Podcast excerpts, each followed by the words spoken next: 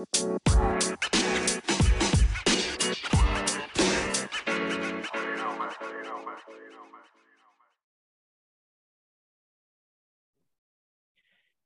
ny episode av Jordbrukspodden. Dårlig med gjester i dag, så vi får klare oss litt med de eh, to programlederne vi har. Um, Anders, uh, ja. det er lenge vi har hatt litt nyhets- og oppsummeringspod. Det skal vi prøve å ha litt oftere. Det er litt vanskelig å mm. huske på alt, men vi får nesten begynne med det nyeste som har skjedd. Og det var jo et stormøte på uh, Jæren om landbruk og landbruksøkonomi. Det var vel eh, snakka om borti drøye 700 600-700 gjester, eller? Ja, 750 tror jeg de har prata om. Det var, var, bra oppmøte. Rekord, rekordoppmøte, sies det. Ja, dette møtet var vært siden starten av 2000-tallet? Ja. I en gymsal nede på Varhaug. Så det var jo, det er jo helt fantastisk at de har eh, lagd en slik eh, landbrukspolitisk arena. Og det var jo eh, det var jo da en innledere eh, som da òg deltok i, i, debatt etterpå. Og det var jo da eh, sjølsagt eh, Sjølsagt, det er ikke sjølsagt at landbruks, landbruks- og matministeren kommer til en gymsal nede på Jæren, men eh, hun, hun, var der og innleda.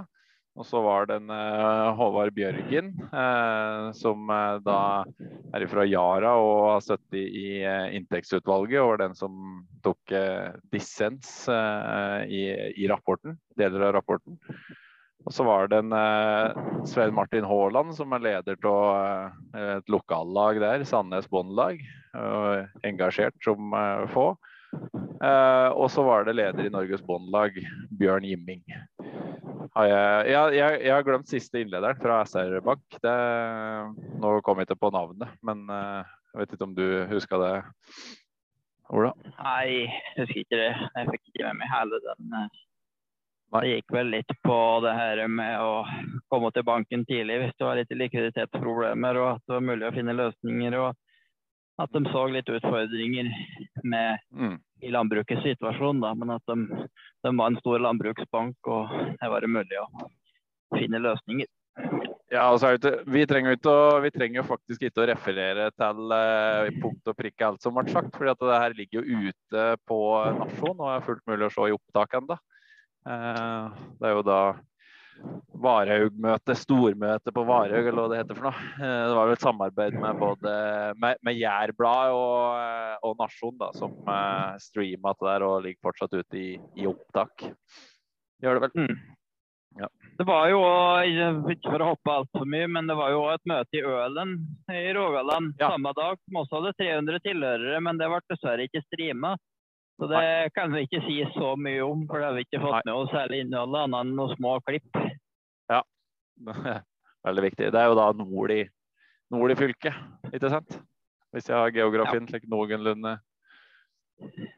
inntuna. Nei, jeg, jeg syns det var veldig interessant. Ja. Det, er, det, var, det, var, det var friskt, og det var konkret og presist, eh, det som ble som ble eh, lagt fram, syns jeg. Eh, må, må, jo si det at eh, muligens litt inhabil, så Martin har jo vært en del til opprøret. Han fortalte vel heller det at det var, at det var jo faglaga og, og, som nå drev den ånden videre. At engasjementet i faglaget liksom hadde tatt over. Og ja, nå er det jo i disse valgkomitétider og snart valglisten når det kommer ut, så så må jeg vel ærlig innrømme å si etter å ha jobba sju år som, med ledelse i Forsvaret, så det var en leder som snakka der. Litt like ydmykt sagt. Mm. Ja, hva kjennetegner en, eh, en eh, leder, da? Det er hva som gjør at du får deg til å si at, eh, at han framstår som det? Nei, altså, jeg jeg syns at han En leder er jo, er jo på en måte avhengig av veldig mange rundt seg. Det er jo på en måte den som skal ha, ha det overordnede bildet og være den som da eh, trekker ting i riktig retning. Men får ikke til det uten at en da har med seg, eh, har med seg de som en skal lede. Og det er åpenbart at han lytter, han har forståelse for situasjonen, han har forståelse for altså flere trekk framover i tid, da. Eh, annet enn akkurat her og nå som vi står. Vi vet hva som må på plass.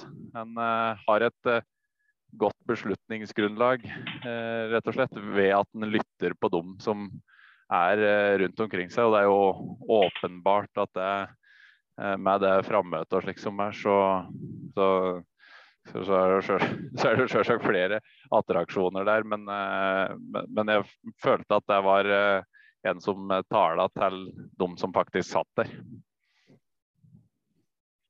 Mm.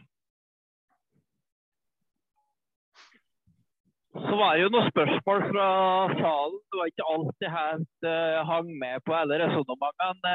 Det var vel kanskje litt lange, lange spørsmål etter mitt syn. Så det, det er ofte det sånn det blir i sånne situasjoner at det er litt vanskelig å liksom få konkrete svar fra politikere. Det er jo alltid det som er utfordringa. Og det var jo litt sånn nå. Det blir jo liksom Du får belyst noen temaer, men man får liksom ikke helt noen konkrete, gode svar fra landbruksministeren. Da. Men det er klart, når ingenting er klart heller, da, så er det jo ikke så mye konkret hun kan gi.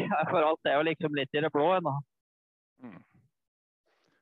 Må jo um det må, det må jo trekkes fram bl.a. Uh, dette her med utviklinga i uh, melkeproduksjon, som òg ble uh, tatt fram der. Uh, hvordan den har utvikla seg fra 90-tallet og fram til nå. Og, og framskrevet fram mot løsdriftskravet trær i sin fulle kraft inn. Uh, mm. Og det var jo noe som som var, var, en gjenganger. altså Dette med ut, utviklinga. Og det var som, som Haaland nå sa, at det er jo egentlig ikke så veldig farlig hvem som har skylda i hva, og hvorfor det har blitt slik. Eh, vi, kan, vi kan i hvert fall konkludere med at denne her tilstanden som alle har frykta eh, ved at du får inn kapitalavkastning, den har jo i aller høyeste grad eh, vært til stede hele tida. Så eh, jeg tror vi må må prøve å få, jeg tror vi får stagnert den utviklinga med at vi faktisk får inn hva som ting faktisk er verdt.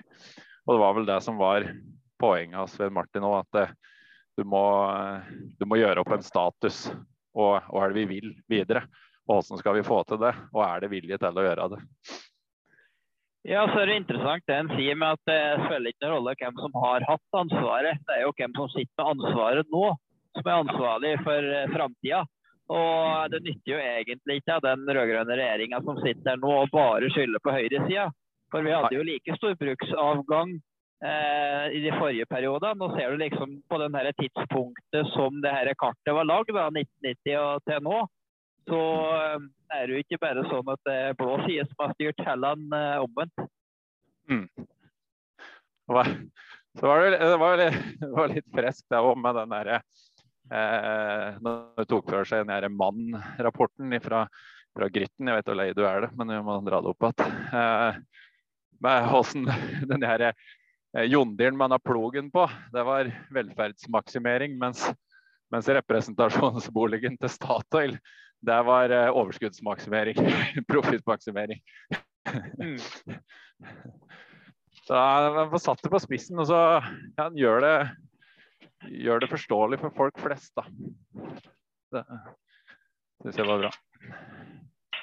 Jeg regner vel med at de fleste innenfor valgkomiteer og sånn har vel merka seg navnet hans som eh, leder av jærlagene og, og en tydelig stemme gjennom bondeopprør og, og innad i Bondelaget. Men uh, den fikk vel virkelig kanskje vist det for alle at uh, han har noe å gjøre i organiserte jordbruket, og ikke bare som en opprører på, på utsida. Så det regner skal... med at uh, han blir hanka inn. Skal, skal godt gjøres å komme utenom det navnet. Da, da, da, er det ikke representanter det står på, da er det valgkomiteen som gjør en uh, ganske slett jobb som ikke får med seg det, tror jeg. Og så litt i opptakten til det dette møtet, da, så har jo Det var vel Bondevennen som jeg leste til, tror jeg. Altså, De så jo på det her med hvor mange som kom til å gi seg da, innen 15 år. Um, så det ser jo litt mørkt ut. Han Svein Martin var jo innom det. og så Um, Grisfjøsene i Rogaland er jo bygd på starten av 2000-tallet og slutten av 90-tallet. Det begynner å bli mye gammel bygningsmasse på Jæren nå, faktisk, som trenger modernisering. Mm. Men, det er ikke, men da, da, er vi jo egentlig inne på et, et, et, et annet interessant tema der òg. Eh, som det ble en del prat på, og som det har vært en del i media om i det siste. Og det er jo det her med produksjonsreguleringer. Om å få på plass produksjonsregulering. Kan ikke, du, kan ikke du dra oss litt igjennom det? For det har jo vært en, eh, en ting du har påpekt helt fra en spede start. At eh, med eh, en opptrappingsplan og inntektsutjevning, så er vi helt avhengig av produksjonsregulering. Kan ikke du dra litt gjennom det? Ja, jeg har bestandig sagt at du får ikke pose og sekk. Vi kan ikke ha et regulert landbruk der inntektene er tilpassa jamstilling, samtidig som du skal ha full frihet til å kunne bygge så stort du vil, eller alle kan starte opp her og der. Og at vi faktisk driver med overproduksjon og samtidig putter penger inn i næringa fra skattebetalerne. Dette går bare ikke. Og det har jo Sandra Borch vært tydelig på. At uh, det går ikke an å bare putte inn penger her, for da blir det overproduksjon. Sånn at det må vi ha på plass. Og etter min mening så burde jo faglagene sammen med samvirkene dagen etter at den nye regjeringa trådte på plass med den Hurdalsplattformen i bakhodet, levert noen konkrete løsningsforslag til hva er det vi ønsker, hva er det vi trenger for å ha gode produksjonsregulerende tiltak, sånn at vi ikke får overproduksjon når du forbedrer økonomien i næringa. Det har jo ikke skjedd. Og, ja. Har vi ikke hatt Jeg mente det var satt i gang et eget arbeid på akkurat det. For å selge inn gode argumenter på hvordan dette skulle løses. Ja, det har uh, vært jobba med siden i fjor sommer, vet du, internt. Ja. Uh, men det har liksom ikke kommet noe ut av det. Og Bondelaget har jo hatt et eget prosjekt som var lansert, der det her bl.a. skulle være en del av tematikken. Det vet jeg ikke hvor har vært i tåen, akkurat. Det var jo ansatt en egen person. Vi i Bondeopprør hadde jo møte med han i fjor. Ja, det er jo da faktisk uh, 13,5 måneder siden der vi hadde møte med dem. Foreslo en del ting. Mm. Uh, ikke hørt noen ting, egentlig. Men um, det som um, er jo status, da. Det er jo at ingenting konkret har blitt foreslått. Og problemet da er at vi har ikke plassert ansvaret hos staten. Hadde vi levert de ønska løsningene, så har det vært opp til staten å gjennomføre. Og da kunne, vi, hvis, da kunne ikke regjeringa kommet med den her eh, Eh, setningen der at nei, nå må vi være forsiktige med å ikke putte inn for mye penger, for da får vi overproduksjon. Det har de fortsatt mm. muligheten til nå, for vi ikke har levert konkrete løsningsforslag. Og så eh, var jo Nasjonen eh, et intervju med Tor Jakob der han påpekte nettopp det med viktigheten av produksjonsregulering. Og det han sa, som mm. ble litt misforstått, da, det han helt ja. konkret sa, det var jo det at de delene av næringa, de produksjonsformene som ikke ville ha produksjonsregulering, de blir det siste og sannsynligvis ikke jamstilt. Og det er bare fakta. Eh, det er ikke noe at en ikke ønsker at de eh, produsentene ikke skal bli jamstilt, men de produsentene må ta inn over seg at det må på plass. Ja, det er vel til og med blitt tolka i den retningen at de ikke skal få nesten ikke skal få noe tetting til gap nå i årets oppgjør. Altså Det blir tatt helt ut av, helt ut av kontekst. da. Ja. Eh, men er det er det tatt helt ut av kontekst når Bondelaget sier det motsatte? At, inntekts, at, eh, at reguleringer det, det, er ikke noe som vi jobber med, og det er ikke noe vi skal ha fokus på. Kan det òg være misforstått?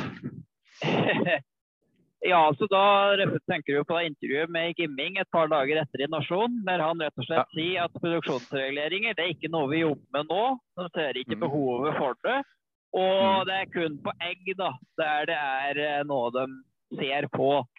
Ja. Uh, det som er jo rart med egg òg, det er jo det at der har vi hatt overproduksjon så utrolig lenge.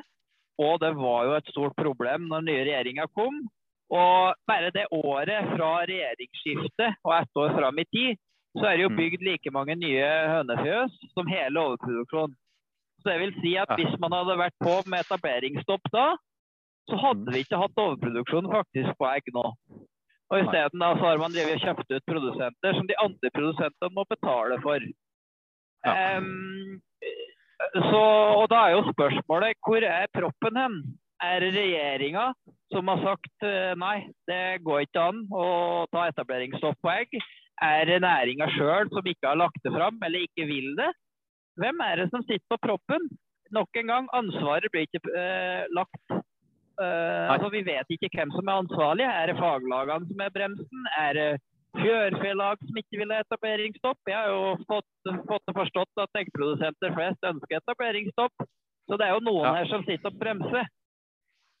Ja, og Gris òg er vel òg interessert i gode reguleringsordninger, slik som det som jeg har skjønt. Absolutt. Og um, så var jo litt eh, kom jo inn på det temaet. Det var vel Eldar Kyllesø som hadde et spørsmål fra salen i forhold til det med produksjonsregulering. At det ja. må vi ha og forvente å tåle hvis vi skal jamstilles. Så blir jo mm. Gimming utfordra på det, og da, da, skjønte jeg egentlig ikke helt hva Gimming snakka om. For da begynte jo han å snakke om at uh, omdømmemessig så var førtidsslakting av høns uh, ikke bra.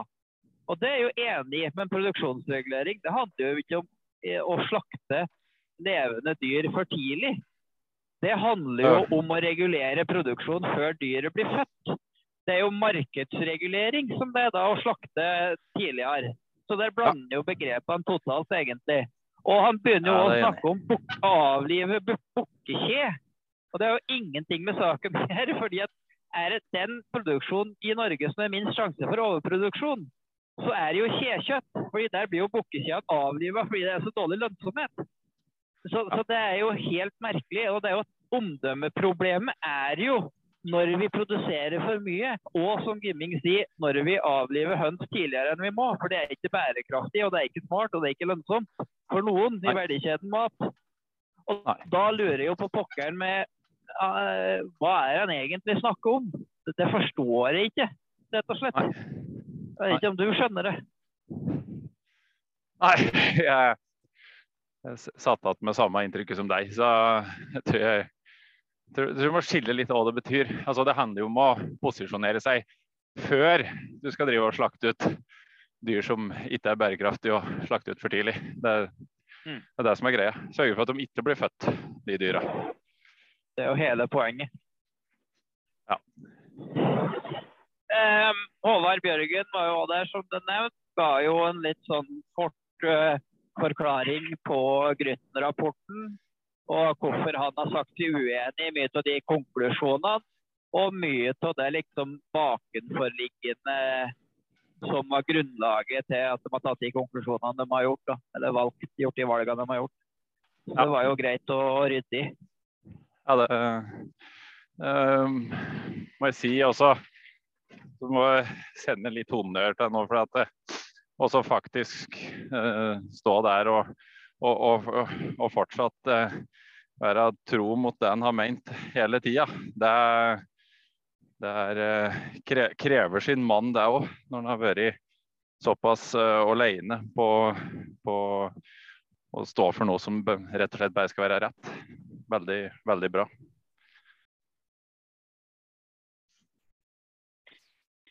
Ja, Anders. Eh, flere ting som har skjedd. Eh, du var vel inne på Bondebladet i dag tidlig og, eh, og leste en liten nyhetssak der. Hva det gikk i? Eh, nå har jeg lest mye nyhetssaker her, Ola. Eh, jeg tenkte på Sandra Borch som var intervjua ja. i forhold til det her opptrappingsplan og tallgrunnlag. Ja, ja. Eh, det var vel egentlig litt sånn i sammenheng. Eh, jeg har inntrykk av at det intervjuet det ble vel egentlig gjort i forbindelse med, det, med dette Varhaug-møtet, tror jeg. Eh, der har egentlig da og har jo hele tida sagt uh, uttalt at nå skal vi jobbe med dette nye tallgrunnlaget, og det skal være jobbe sammen med faglagene og det organiserte jordbruket osv. osv. Uh, men nå har liksom pipa fått en annen låt. da. Så nå, nå er det sikre bredt flertall og, og ha ei ei flertall utover Arbeiderpartiet og SV. Eh, og da eh, jeg, jeg, jeg, sliter jo egentlig med å forstå eh, hva du egentlig trenger å det, det, er jo ikke noe sånn Dette tallgrunnlaget har jo egentlig ingenting med politikk å gjøre. Tallgrunnlaget må jo bare bli det det blir. Og så får det heller bli opp til politikken å bestemme om de er villige til å betale for det. Men uh, det, det har jeg sagt hele tida, at uh, hvis de finner ut at de ikke er villige til å betale for det, så er det noe greit. Da skal vi ikke drive med dette her. Så det, det, er min holdning til det. Jeg vet ikke, jeg vet ikke hva du tenker. Um, jo, jeg er helt enig i det. Det har ingenting med saken å gjøre. Altså, det handler om å det handler egentlig bare om én ting, det. Og det er å få mm. det tallgrunnlaget til å representere best mulig hva som er arbeidsvederlaget til bonden i snitt. Mm. Mm. At man kan sammenligne det med lønnsmottaker i forbindelse med omstilling. Verre enn det er det ikke. Og det har ingenting med hvem som, om det er skiftende regjeringer eller Høyre eller Arbeiderpartiet eller hvem det er. Det har ikke noe med saken å gjøre. Skal jeg være litt, skal jeg være litt sånn eh, tabloid, da. Nå skal jeg si da at eh, det kan godt hende, så lenge du driver med et eller annet sånn derre klovnesystem som eh, ikke har noe forankring i virkeligheten. Da er du avhengig av å ha en, en, del viss oppslutning der du blir enig om at det er det du skal bruke. Men så lenge du skal bruke Og Svein Martin presiserte det òg. I Hurdalsplattformen så står det ikke nytt tallgrunnlag. Det står nytt og riktig tallgrunnlag. Rett tallgrunnlag. Og det, det, det, det, betyr faktisk veldig mye. Og da... Riktig kan det ikke bety politisk riktig. Det er jo faglig riktig. Ja, ja, ja. ja. Men da er det da, mist, da mister du litt slagkraften i argumentene dine da, når hele tida det har vært politisk vilje og bred oppslutning og alt mulig. Du må faktisk slippe til noen som prater fag nå, da. Det går ikke an å slå billige argumenter og, og valgtaler og slikt på, på, at du skal sørge for bred oppslutning. Det, nei. Jeg beklager, men jeg begynner å bli så lei av denne diskusjonen. Jeg, faktisk. Det er jo ikke vanskelig. Det er jo ikke vanskelig. Du har bare en haug med folk som henger igjen i ting som hvordan ting har vært. Nå må, jo, nå må det jo snart være noen som, som tar tak i dette her. Um, men det er klart, så har du det her eh, jamstillingsplan. Hun, hun, legger jo det to ting sammen, og det henger i hop. Men samtidig så er det to forskjellige ting. Tallgrunnlag og jamstillingsplan. Um, og hun er jo ute etter det her breie flertallet.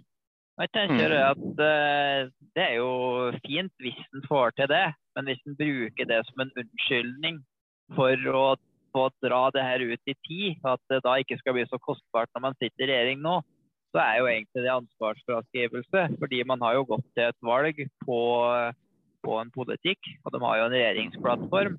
Du kan jo ikke da begynne å liksom lese etter noen andre fløypartier som ikke mener det samme som det. Og da skal du ikke gjennomføre det du helst vil politisk. Det er din egen regjeringsplattform. Blir du ønska et bredt flertall. Det, det henger jo ikke på greip. For det er jo sånn at de nå har SV, og de har flertall for å gjennomføre det her. Og det er jo mm. også sånn at um, dersom man får et stortingsvedtak på det her med flertall, så er det jo mm. sånn at neste regjering må jo følge opp det. Det fungerer jo sånn i norsk politikk. Det er jo sånn at den regjeringa som sitter nå, følger jo opp en rekke ting som har blitt initiert av den blå regjeringa tidligere, som mm. ikke den rød-grønne regjeringa nå var enig i da. Men de skjønner jo at de kan ikke ha en Molbo-politikk som hopper att og fram. Så er det ikke å gjennomføre jo en del politikk som de kanskje ikke er helt enig i. Det er jo bare sånn systemet fungerer. Ellers ville du fått helt skiftninger hvert fjerde år. da, teoretisk. Det, det fungerer jo ikke i et samfunn. Skulle ikke Vedumen vært nedover med, med stålsaksa si og så klippet av noen strømledninger snart, da, hvis en hadde lyst til å gjøre noe annet enn det som det forrige flertallet bestemte. Uh, og det gjør han ikke. Ja. Nei, så, men det blir liksom Det er, det er, det er, det er fryktelig irriterende. Og, og, da kan vi egentlig slå flere nyhetssaker i en smekk her. Fordi eh, Bollestad, eh, tidligere landbruksminister fra KrF, hun stilte jo et skriftlig spørsmål i spørretimen om heter det spørretime. Jeg har ikke eh, helt uh, kontroll på det. Men hun har stilt et skriftlig spørsmål som da ministeren må svare på. Og da spør jeg jo Nå har du fått Grytten-utvalgets rapport. Alle har spilt inn. Når er det vi skal få på plass en eh, tidfesta opptrappingsplan? Fordi det trengs. Og for det er jo det som hele tida har vært argumentet. Nei, vi må vente på ditt og vi må vente på datt. Og nå er det vel snart ikke mer å vente på. Så da er det å vente på bredt politisk flertall, da. Det er vel det som er, er neste nå. Hun, hun fikk vel ikke noe godt svar på det, gjorde hun det? Nei, det svaret det ga vel egentlig ingen uh, mening. Um, jeg husker nesten ikke hva det sto, men det var ikke noe klart svar i det hele tatt. Det var bare det var viktig å gjøre jobben riktig og forankre og litt sånn bla, bla, bla. Og, altså, det er jo viktig å ta seg god tid når du gjør beslutninger og gjør det riktig. Men mm. det, er, det, er, ikke sånn at det trenger å ta lang tid for det. Uh, det går an å jobbe godt på litt hurtig. Det er ikke sånn at mm. alt som er lang tid, er automatisk bra.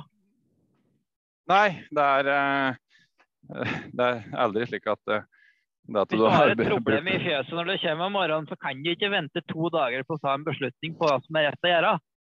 Før du begynner å løse problemet. Du må tenke deg om, og så må du faktisk begynne å løse det. Mm. Ja, det er, det er et veldig, veldig god sammenligning. Men det er jo Jeg merker jo frustrasjonen, da. Altså, vi har jo Nå tror jeg vi er Nå er vi vel oppe og lufter på 4000 lyttere her, faktisk. Eh, as we speak. Og det er jo må beklage at alle som sender melding, for det begynner å bli ganske mye. At de ikke nødvendigvis får fullt ut gode svar hele tida, men vi leser jo melding om. Og eh, det er åpenbart at, at her vil folk at det skal skje noe. At det må skje noe. Og det som kanskje er, eh, som jeg legger merke til nå i hvert fall, er at det er der det tidligere har vært der vi har hatt forskjellige standpunkter, forskjellige meninger, så begynner en nå å se galskapen i det hele, og hva som er det, liksom, det underliggende problemet. Altså denne her mm. lønnsomheten. Det er, det er litt vanskelig å komme unna. Du kan egentlig slå i hjel hvilket som helst problem med denne her lønnsomhetstema. Det, det kommer en bare ikke unna. Og så må vi huske på en annen ting. Det er jo ikke sånn at det er bare regjeringspartiene og SV som har sagt de ønsker å få til jamstilling. Det er jo faktisk uh, Rødt, og de begynner jo å bli et litt større parti. Og MDG har sagt det. De er jo også et parti. Og Venstre er vel litt mer sånn litt usikker, men uh, Og KrF er vel uh, mulig å få med på jamstilling. Så det at du har jo egentlig et ganske bredt flertall der. fordi at de her mindre partiene der vil jo sannsynligvis måtte være med i en eventuelt annen type regjeringskonstellasjon for å få flertall ved eventuelt neste stortingsperiode.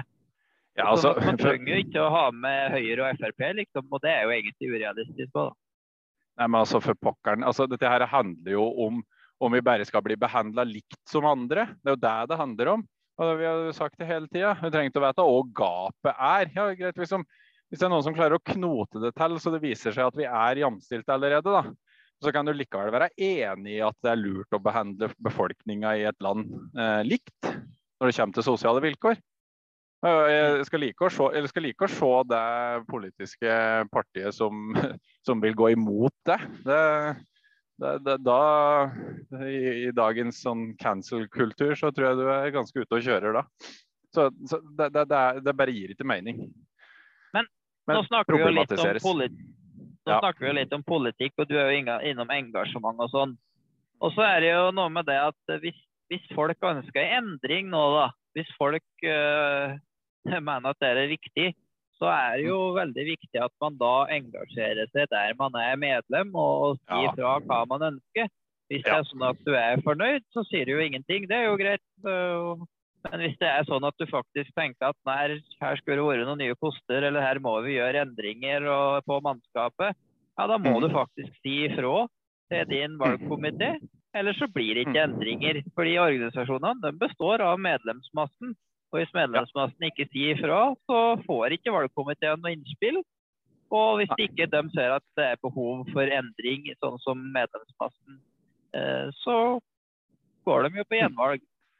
Ja. Så folk må engasjere seg hvis det skal skje endring. Ja, altså for å, for å, Jeg har jo fått litt sånn nye perspektiver i det siste i forhold til der jeg er engasjert. Og nå har ikke jeg vært annet enn at jeg er jeg er jo ansatt i en eh, administrasjon. Men jeg setter jo utrolig stor pris på at det faktisk er noen som sender melding, sender mail, engasjerer seg. og vil ha en samtale og, og diskutere ut ting. Så kan vi finne ut om det er eh, om det er noe vi burde justere på eller ikke. Og det er jo det er, er så bra. Alle de, Nå kan jo jeg kun eh, prate for de medlemmene i NBS da, som, som, ringer og sender melding. Det er ikke mas. For husk på, de betaler jo, de betaler jo medlemskontingent, flere tusen kroner. Og disse her er jo da ansatt, eller jeg da, er jo da ansatt på eh, de kontingentene. Skulle bare mangle om de ikke tok opp telefonen og fortalte meg litt om du, nå er jeg uenig i det du sier der. Kan det ikke hende at det er sånn og sånn? Så har vi en diskusjon rundt det. Og så kan det faktisk hende at det, det endrer seg. Da må du jo du må bruke den stemma du har, uansett. Det er ikke dette mm. årsmøtet en gang i året som er påvirkninga di. Du har påvirkning i form av at du er medlem hele eh, fordømte året. Nå blir, tele nå blir, telefonen min helt ned hjemme nå, sikkert. Siste neste tilbake litt til i stad, det som vi var Altså, nei, nå mista jeg tråden litt. Men jeg hadde et annet spørsmål, òg. Du ja. sitter jo i budsjettnemnda, Anders. Og mm. en ting jeg har stussa over flere år, er jo at det er um, referansebrukene de stemmer jo ikke helt med dagens virkelighet. F.eks. på gris så er det kombibesetninger og små bruk, mens de fleste driver er store smågrisbesetninger. Og så har vi spesialisert slaktgris. Og så er det det her mm. med at du blander korn inn med sau og med gris og mjølk. Og jeg mener at Du kan ikke blande opp to produksjoner, for da klarer du ikke å måle hvem av produksjonene er som går godt eller dårlig, eller hvor inntektene egentlig kommer fra. en. Blir sånn oppsausing Eh, hvorfor er det egentlig sånn, og bør det være sånn videre? Nei, men altså, du må jo tenke, Hvorfor er det slik, da? Ikke sant, først og fremst. Altså, når vi hadde med Hon, så pratet vi om at ja, men det er jo han, eh, han grisebonden som må drive med korn, han har billig tilgang på gjødsel osv. Ja, men det er jo helt eh, fornuftig bedriftsøkonomisk tilpasning. Men du kan jo ikke da eh, basere resten på griseproduksjon eller kønnproduksjon på at eh, noen av disse referansebrukene har tilgang på billig gjødsel. Du må finne ut hva er det som kreves av innsatsfaktorer for å produsere så og så mye kønn. Og hvis da noen klarer å utnytte det, få til et mer, eh, mer sånn jeg vet sirkulær økonomi, jeg vet det som er så i vinden nå. Det er jo en god tilpasning som i hovedsak skal gjøre at du faktisk sitter igjen med noen flere kroner. Det skal lønne seg å tenke eh, sirkulær økonomi. Og da, da, kan ikke de straffes. da. Vi tar ned at alt som er til gevinst ved å bruke gunstigere, gunstigere gjødsel i form av husdyrgjødsel enn kunstgjødsel.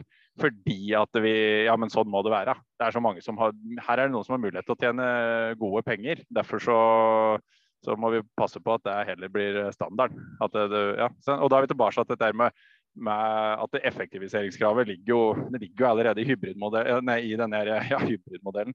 Driftsgransking er jo bare en avart av hybridmodellen i seg sjøl, slik den er i dag. Det må renskes opp i. Det må renskes opp i. Og jeg vet ikke om mange, mange ganger vi må, må, må, prate om det, men det er jo åpenbart. Du kan bare ta akkurat samme argumentasjon som en bruker om hybridmodellen i disse innspillene. Og så kan du bare bytte ut hybridmodellen med driftsgranskingsbruka.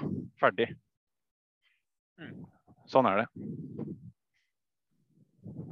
Nei, jo, da leder meg til mitt neste, neste, spørsmål. Da. Fordi at Du var jo innom det, Sandra har sagt ved flere eh, anledninger at her skal det være en løpende dialog med næringa, og man skal sammen bli enige om et nytt tallgrunnlag, sånn at det har tillit i næringa.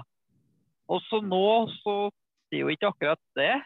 Og det er ikke kommet noen signaler eller eh, noe formelt, så vidt jeg har hørt, på hvordan den prosessen videre skal være. Og Hun sa jo da at de, de jobber nå med å sette seg inn i høringssvarene. Mm. Um, har du, Vet du om noe hvordan den prosessen her vil bli framover? Er dere i faglagene liksom invitert til noen møter og skal sette dere ned og begynne å diskutere der? Nei, jeg har i hvert fall eh, etterspurt og ikke fått noe svar på det enda. Så, så, eh, det vet ikke jeg, vet ikke jeg noe om. Hoen sa vel noe det samme, han òg. At prosessen videre er jo litt usikre på. Så det er Jeg ble litt stressa når jeg leste den Bondebladartikkelen faktisk om hvordan dette skulle være videre nå. Og det involverte jo ikke verken dialog med faglaga eller det organiserte landbruket. Det er mye, mye, fine fraser som har vært brukt uh, opp gjennom de siste månedene for hvordan dette skal løses. Men uh, jeg, jeg, har ikke fått noe, i hvert fall. Det leder meg litt inn på en annen ting.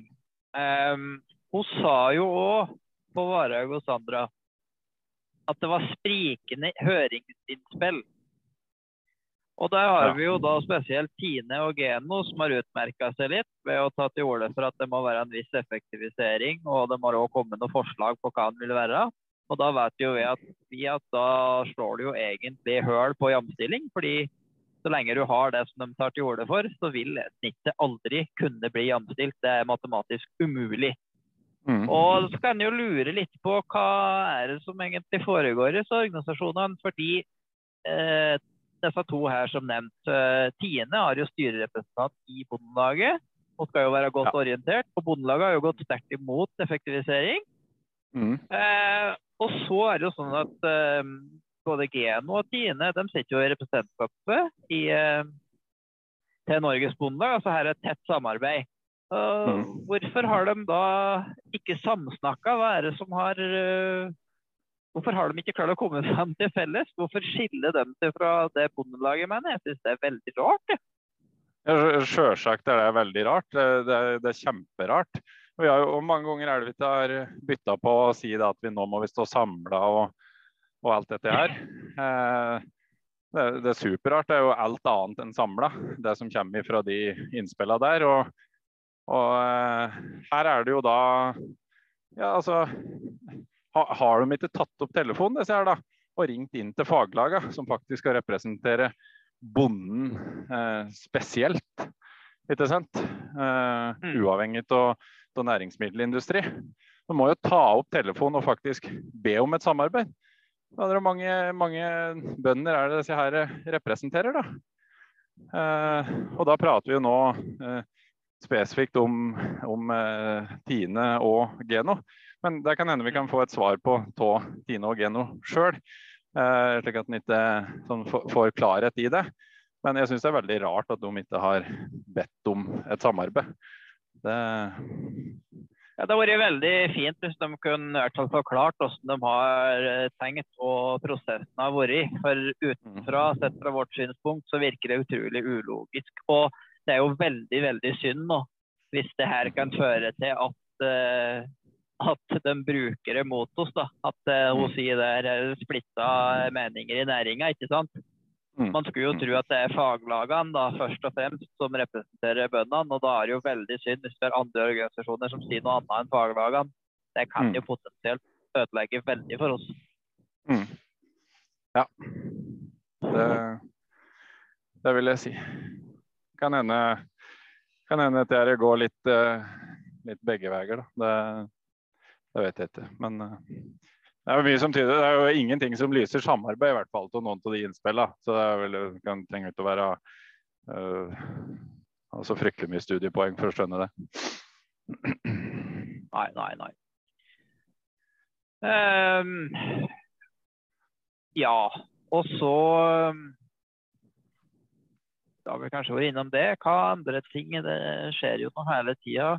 Ja, vi må jo ta opp disse her rapport om da, på, på gris. Der har det vært vi må jo, Det knyttes jo opp mot Varhaug-møtet hele tida. For det jeg beit meg merke i, var det, var det var i hvert fall en som var oppe og, og stilte spørsmål om eh, ministeren kunne forklare når et avvik ble eh, omtalt som et eh, regelbrudd. Jeg har ikke satt meg godt nok inn i dette der, men, men det syns jeg var et godt spørsmål. Og i, i det så, så tenker jeg at da er det, eh, er det avvik her som blir faktisk eh, framstilt i media som, som regelbrudd? Er det, er det, slik å forstå? Da prater vi om denne her rapporten om eh, velferd på gris, ikke sant?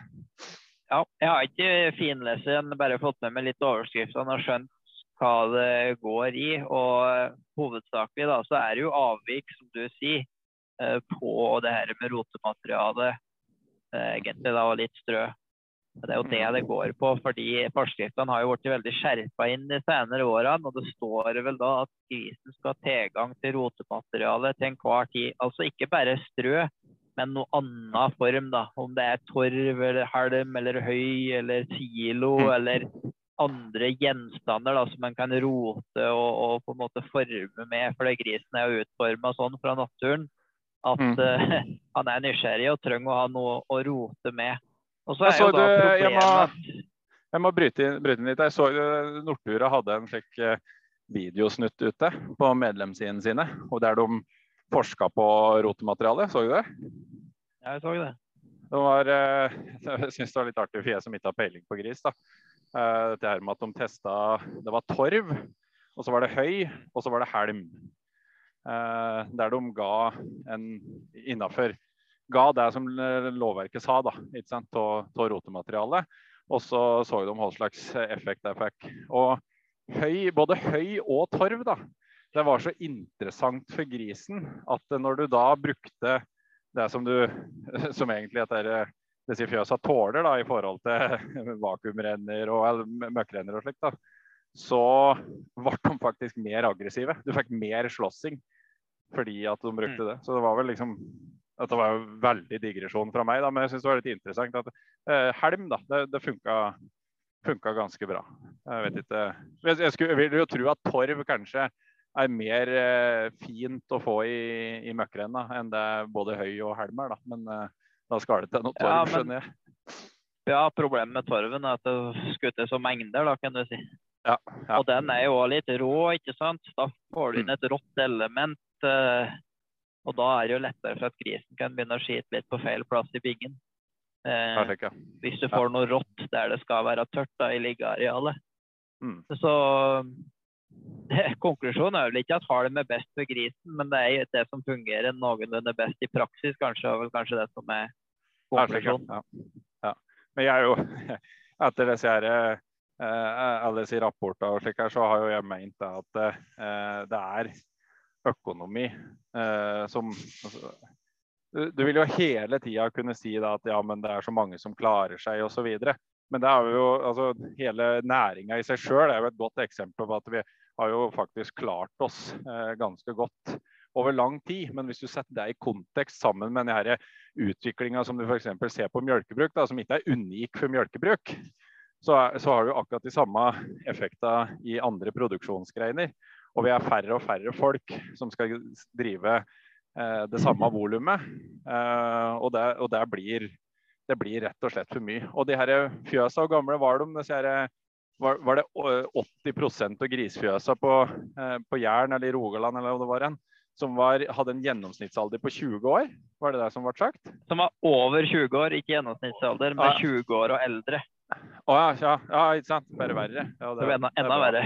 Ja, ja. Vi er litt, vi er litt, litt forsiktige i framtoning her, vi, vi i jordbruksbåten. Så vi, ja. vi har det best, best case scenario.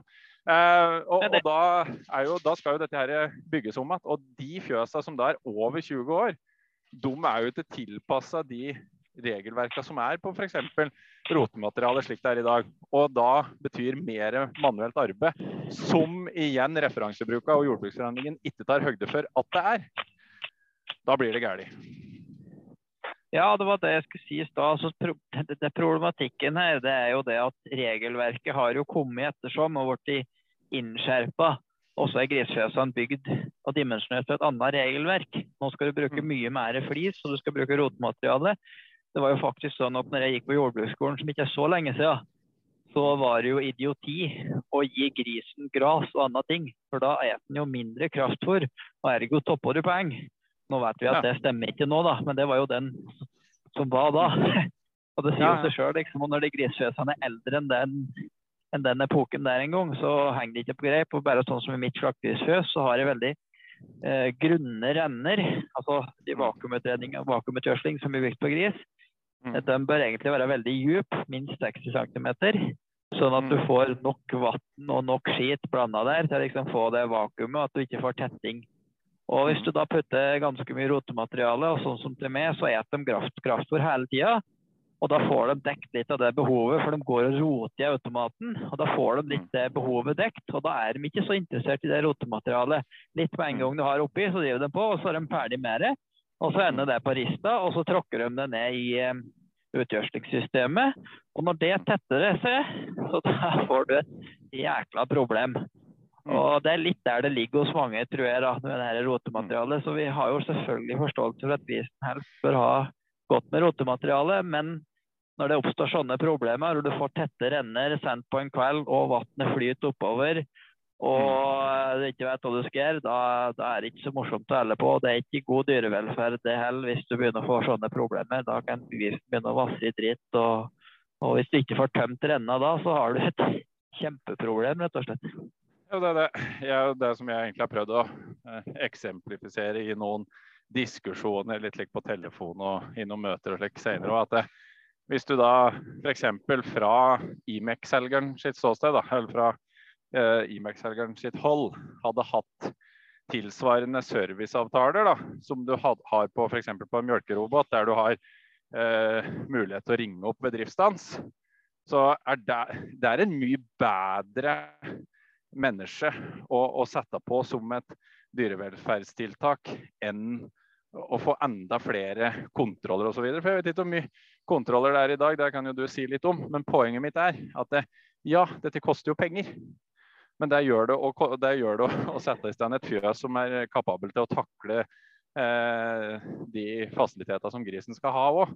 Så det er liksom, Uansett hvordan du ser på det, så koster det faktisk penger å få det til å være et mer eh, rasjonelt fjøs da, og, og levbart.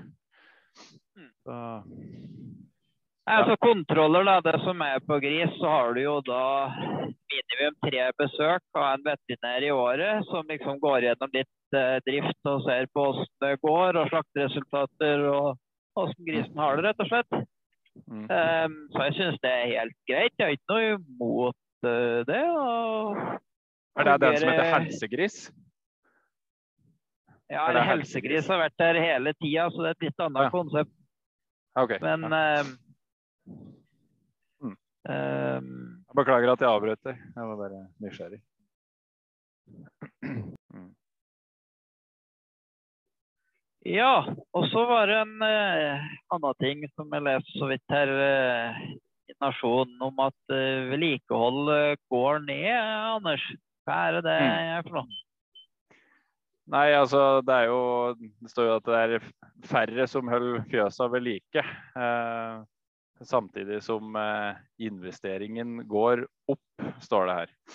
Eh, og det er jo egentlig hvis vi, hvis vi ser det i sammenheng, så, så handler jo det om alle disse her som ikke ser ei eh, framtid i her, og egentlig bare rir ut det som er igjen av driftsapparatet sitt. Og så viser det det samtidig og de enorme investeringene da, som du påfører dem som da har tenkt å, å bli igjen i, i næringa. Det er jo egentlig det. Det, det, det, det gjenspeiler egentlig veldig godt disse her driftsgranskningsbruka. Eh, Ja, ja, ser ja, men, men du, det er jo logisk. logisk. Men da lurer jeg på én ting. Når du sier det at eh, Eller det står det at investeringene går opp totalt sett, er det inflasjonsjustert? Eh, Skal vi se de har uh... Fordi hvis du, hvis, hvis du bare ser på et totalbeløp, ikke sant? si det at i 2018 så investerte jordbruket så og så mye, eller vedlikeholdet så og så mye. Og så ser du igjen nå, og så er kanskje da beløpet gått opp. Hvis kostnadene har gått opp 30% så Mm. kan jo det bety at det faktiske vedlikeholdet og investeringsnivået faktisk har gått mye ned. Og da må du jo da inflasjonsjustere det. Det gjør du jo med Mm, alle ja.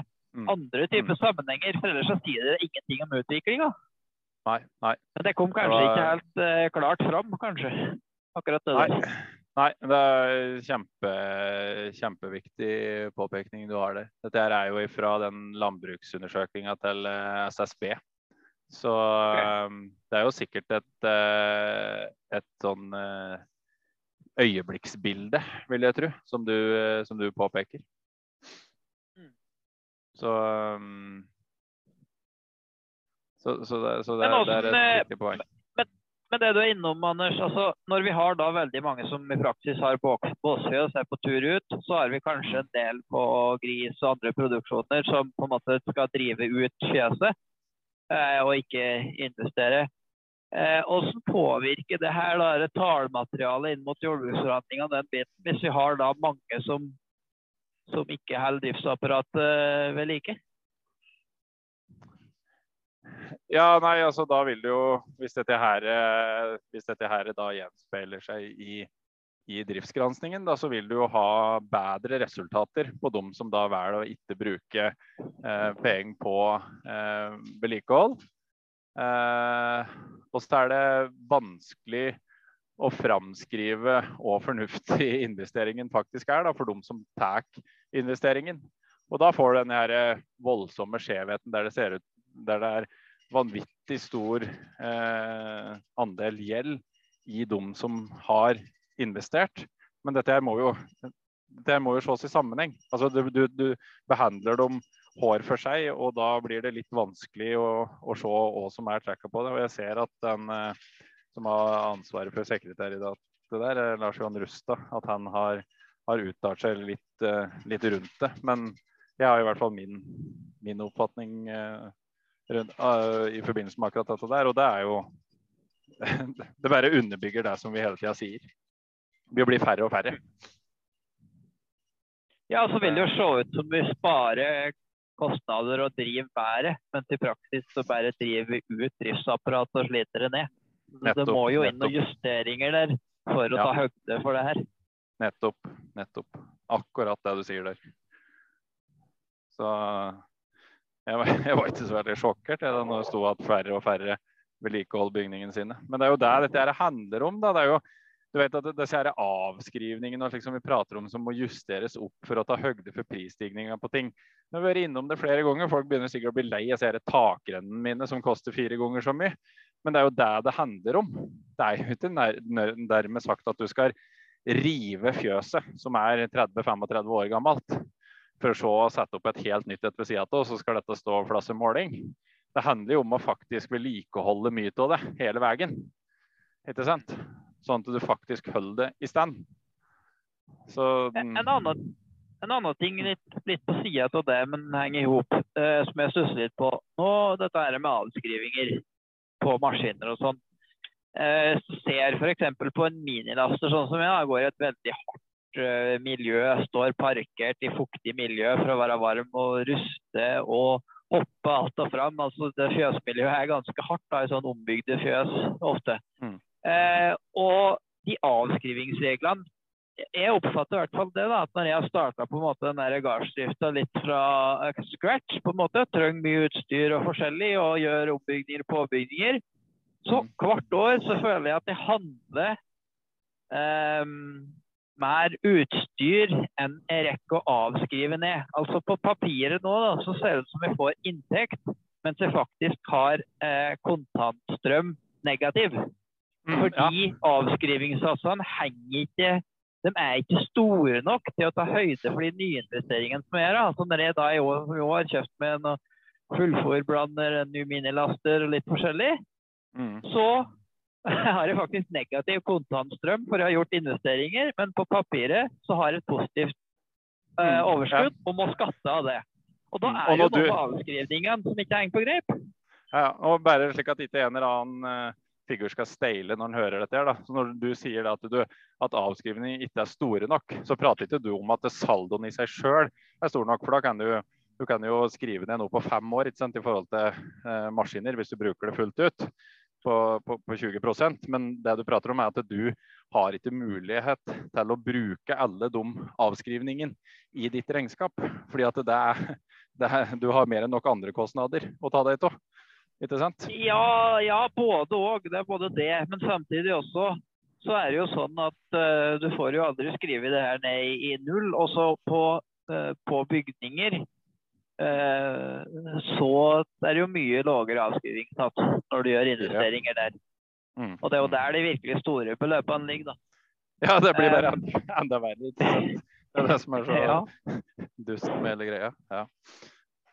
Mm. Og så blir det jo at hvis du har enkeltår der du må gjøre store investeringer, Um, så får du ikke avskrive hele det beløpet på ett år, ikke sant? selv om du kjører maks avskrivingssats. Og da vil du jo da potensielt kunne komme i en situasjon der du har negativ kontantstrøm, mens på papiret så har du tjent penger, og så må du skatte av det. Og så har du egentlig ikke tjent penger. Nei. Så Det som blir litt sånn problematisk, hvis du får flere år sånne år på rad, da, fordi du må gjøre store investeringer, og investeringene øker for hvert år, da kommer du i den skvisen der. Mm.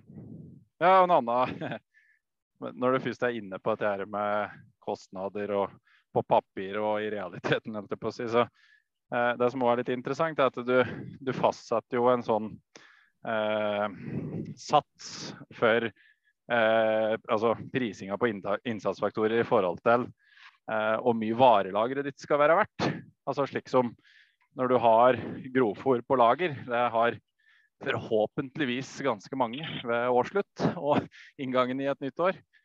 Så har vi jo nå hatt en periode der eh, grovfòr er veldig dyrt å produsere. Ikke sant? Du har diesel, gjødsel eh, eh, osv. Eh, og der blir det men, men dette, er helt, dette, er jo likt for alle, for så vidt. Men det er litt sånn ekstremt i ei næring som er så underbetalt fra før.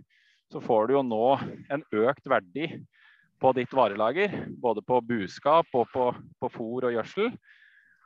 Eh, som gjør at du da sånn sett har en, et eh, høyere, høyere eh, skatte... At du, du må skatte til mer, da. Så det blir jo litt, slår litt like, dobbelt galt ut. Sjøl om dette er likt for alle, da. Men det blir litt rart for oss som I hvert fall når du produserer gras til egen produksjon. Men jeg, jeg, jeg, sier ikke at det er noe som skal endres også. Det sier jeg ikke. Men, ja, men det er vel òg problematisert om de satsene har vært riktige, da. Om de har tatt i litt. Om de faktisk er riktige. Har i hvert fall vært litt problematisert. Og så er det en annen ting er jo det at én ting er jo om varelageret øker i verdi.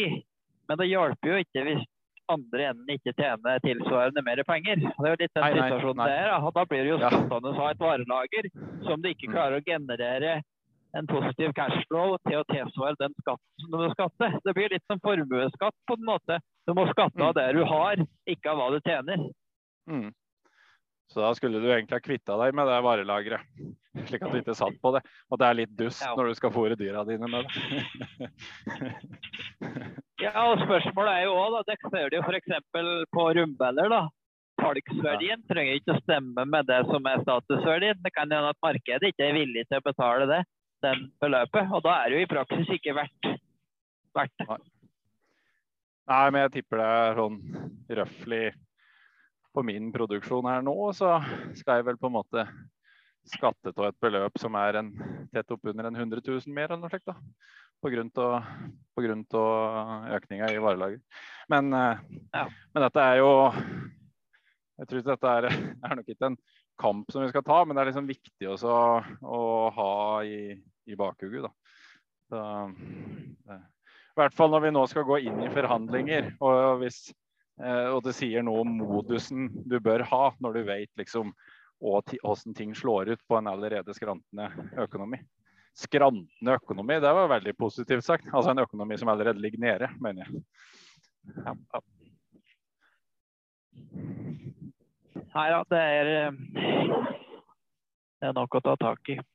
Men det er klart det skal ikke bli noe kampsak akkurat det der, tror jeg. Men uh, i hvert fall være obs på det. Ja. ja. Nei, men da har vi vel prøvd å belyse noen, eh, noen temaer. Og så får vi prøve å komme tilbake ved en senere anledning med de nyhetene som skjer eh, utover. Ja. Litt kjappere og litt kortere oppdateringer. Det er mange, mange som spør etter det, så vi skal bli litt flinke på det. Flinkere. Mm. Mm. Supert. Takk yes. for oss. Takk for nå, ja.